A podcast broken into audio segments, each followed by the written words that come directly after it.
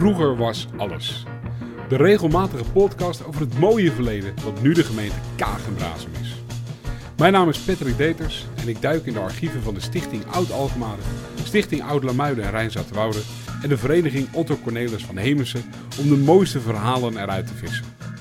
Welkom bij Vroeger was alles.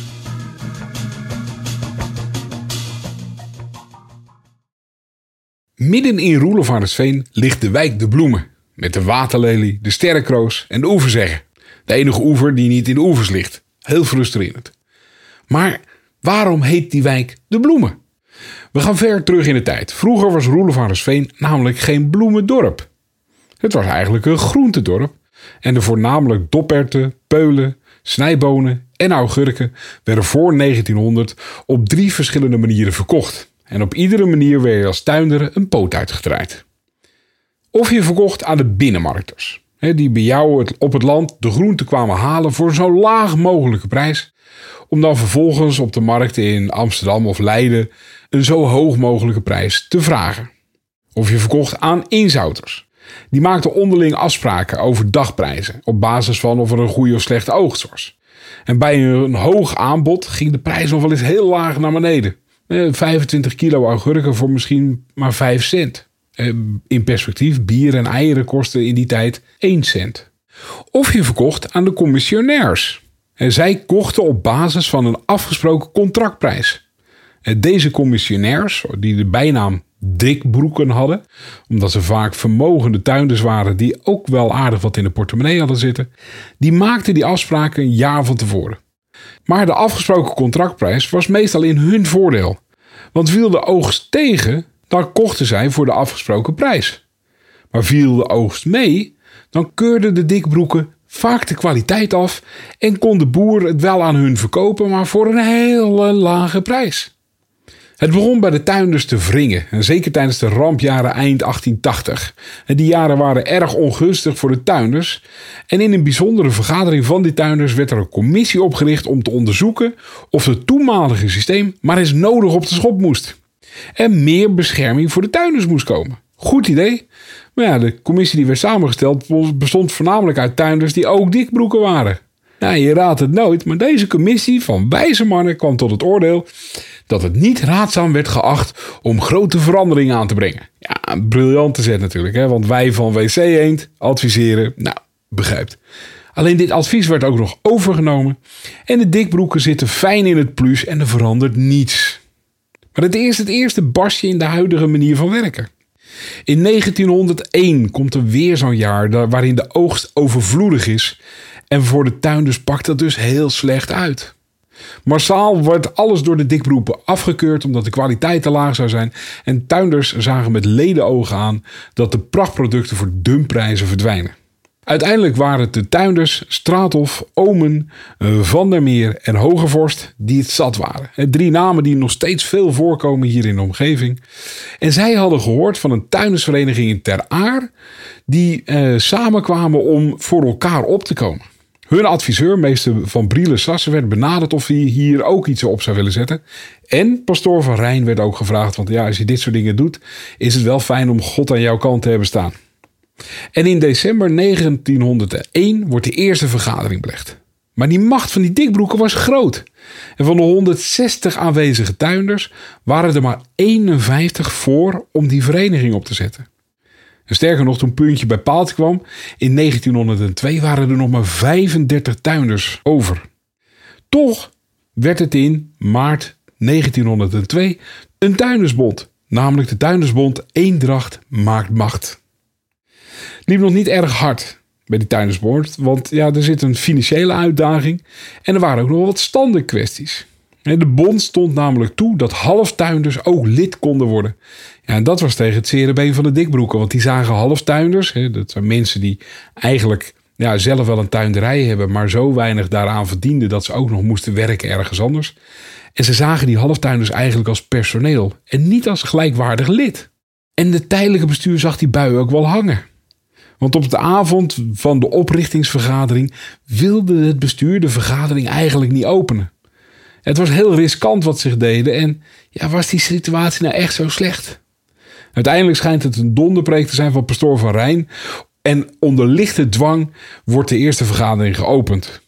Maar oké, dan ben je opgericht. Maar zonder centen doe je niets. Er moest geld komen om de veilingen te organiseren en te regelen. Maar geen zorgen, geen zorgen.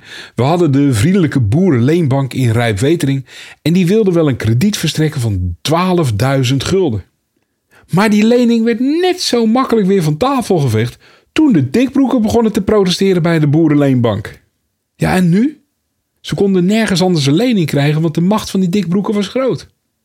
Uiteindelijk was het pastoor van Rijn, die op persoonlijke titel, om zich volledig verantwoordelijk te stellen voor dat bedrag van 12.000 gulden bij de Lissense bankvereniging. En uiteindelijk is die bankvereniging die voor de boeren is opgekomen. Dan mag je de Rabobank best nog eens een keer aan herinneren als je weer bij hun aan tafel zit. Maar uiteindelijk was het dan toch begonnen en in 1902 was de Tuindersbond een feit. Maar oké, het is mooi om een bond te hebben, maar dan moet je ook nog spullen kunnen verkopen. Het is met de hulp van de burgemeester van Wiegem, waar ook een laan naar vernoemd is in de burgemeesterswijk of de Kuil in Oude Wetering, werden de eerste contracten met Duitsland en Engeland gesloten. Eh, bijzonder, want openlijk durfde de burgemeester de bond niet te steunen. Waarschijnlijk ook weer van de invloed van de dikbroeken. Maar het ging van start en de eerste veilingen begonnen op straat onder een afdakje tegenover waar nu de Ignatiusschool nog staat. En dat gebeurde in de avonden, want overdag moest iedereen gewoon werken.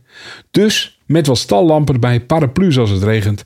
En veldwachter Dupont veranderde in veilingmeester Dupont in de avond.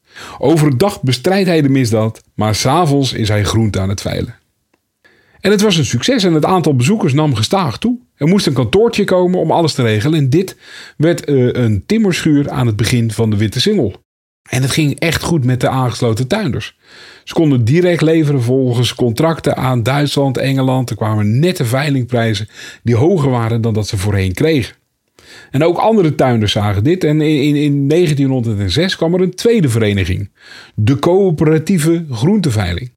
En vervolgens kwam er nog een afsplitsing van de eerste tuindersbond. Wat in resulteerde in een derde vereniging, Tuindersbelang. En die wilden allemaal hun eigen veiling draaien. Dus onze arme veldwachter was nu s ochtends, middags en s avonds aan het veilen. dus de politie had het drukker met papierwerk dan misdaad bestrijden. Dat is in ieder geval in de laatste jaren ook nog niet veranderd. Het is het jaar 1912 en dat is in onze geschiedenis een belangrijk verhaal. Want tegenover die schuur, die als kantoordienst deed, stond Café Wagenaar. Handelaren, tuinders en dorpelingen ontmoetten elkaar daar en achter dat café lag een groot stuk land. De coöperatieve groenteveiling. Die kocht van de heer Wagenaar dat stuk grond voor 12.000 gulden. En er werd voor iets meer dan 2000 gulden een veiling opgebouwd en voor bijna 1500 gulden werd er een veiling klok geplaatst. En die veiling staat er nog steeds. Kijk, Café Wagenaar was toen de tijd al een bekende trekpleister. De laatste eigenaren waren de drie vrijgezelle dochters van Wagenaar. Zij werden ook wel de drie sneetjes genoemd. En naar hen is een gerecht genoemd, bestaande uit drie sandwiches en soep, en dat staat nog steeds bij Wagenaar op de kaart. Maar drie aparte verenigingen is wel wat onhandig. En in 1915 wordt de eerste, tijdens de Eerste Wereldoorlog komt er een eerst gezamenlijk feestje. De 400ste treinwagon met augurken te waarde van 750 gulden werd geleverd aan het Rode Kruis in Duitsland. Het was een gezamenlijke actie van de drie Veense vereniging en de verenigingen ter aar.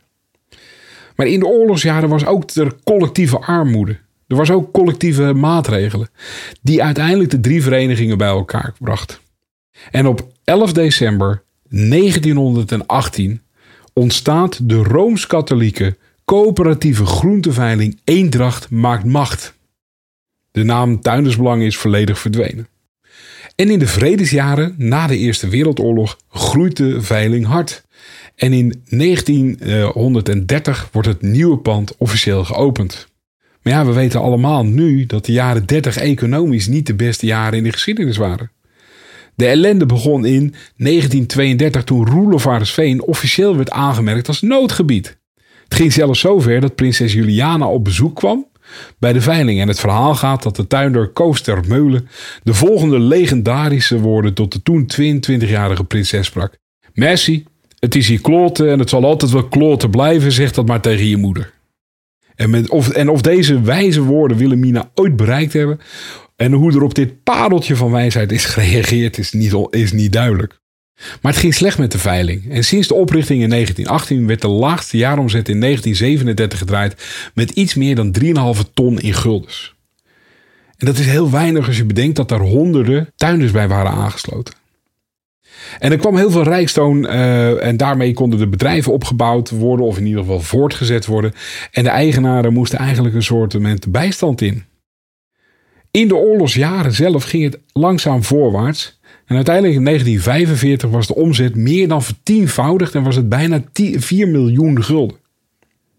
In de crisisjaren 32-33 werd er ook voor het eerst geëxperimenteerd met het veilen van bloemen. En tot die tijd was het eigenlijk alleen maar groente. En ja, in de crisisjaren was dat geen goed plan. Ja, bosjebloem is leuk, maar eten is belangrijker. Dus uiteindelijk een kansloze exercitie. Maar na de oorlog kwam het, op, het voorstel opnieuw ter stemming. En hoewel het merendeel van de leden sceptisch was, werd toch alvast de, de naam aangepast tot Rooms-Katholieke Coöperatieve Bloemen, Groente en Fruitveiling EMM. En waar zat dat fruit dan in? Nou, waarschijnlijk in de aardbeien. En nog wat andere kleine fruitsoorten. Maar die eerste resultaten van bloemen vielen wat tegen. Maar mensen hielden vol en er kwamen steeds meer freesia's, anjers, rozen en meer naar de veiling. En rondom die tijd begon ook de eerste neerwaartse tendens in te zetten voor de prijzen van de groenten. Dus steeds meer telers gingen naar bloementeelt. En de veiling bleef groeien. En in 1949 en 1955 werden er nieuwe veilingdelen bijgebouwd. En daar kwam ook nog eens een keer de ruilverkaveling overheen. Bedenk dat in het verleden veel tuinders verschillende kleine stukjes land verspreid over een heel groot gebied hadden. En ze waren eigenlijk de hele dag met bootje van stukje land naar stukje land aan het eh, reizen. En daar werd alles verzameld. met de ruilverkaveling tussen 1957 en 63 werden al die stukken herverdeeld en bij elkaar getrokken. En als het allemaal bij elkaar lag, mocht je de sloten die ertussen lagen ook nog dempen. Dus er is in een paar jaar tijd 23 hectare, dat is 230.000 vierkante meter aan sloten gedempt om alles met elkaar te verbinden.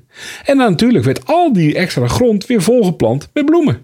En de veiling bleef maar groeien en groeien en groeien. En uiteindelijk was de ruimte op.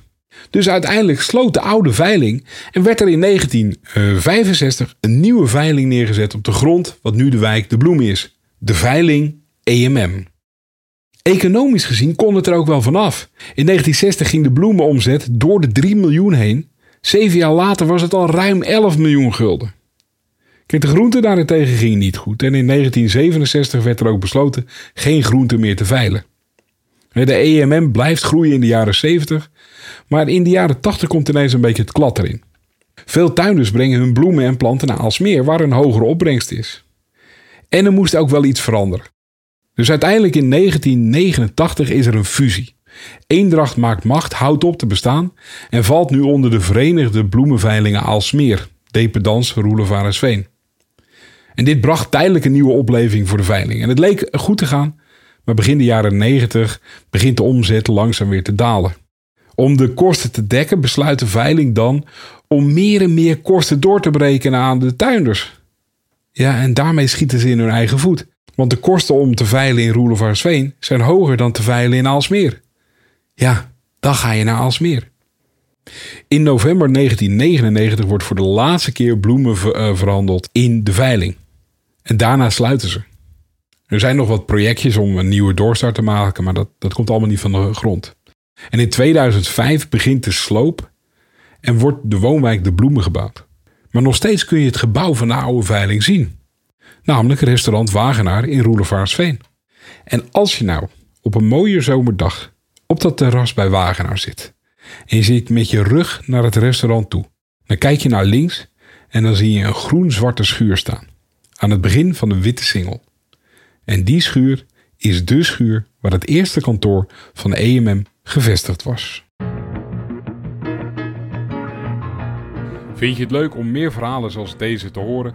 Abonneer je dan op de podcast.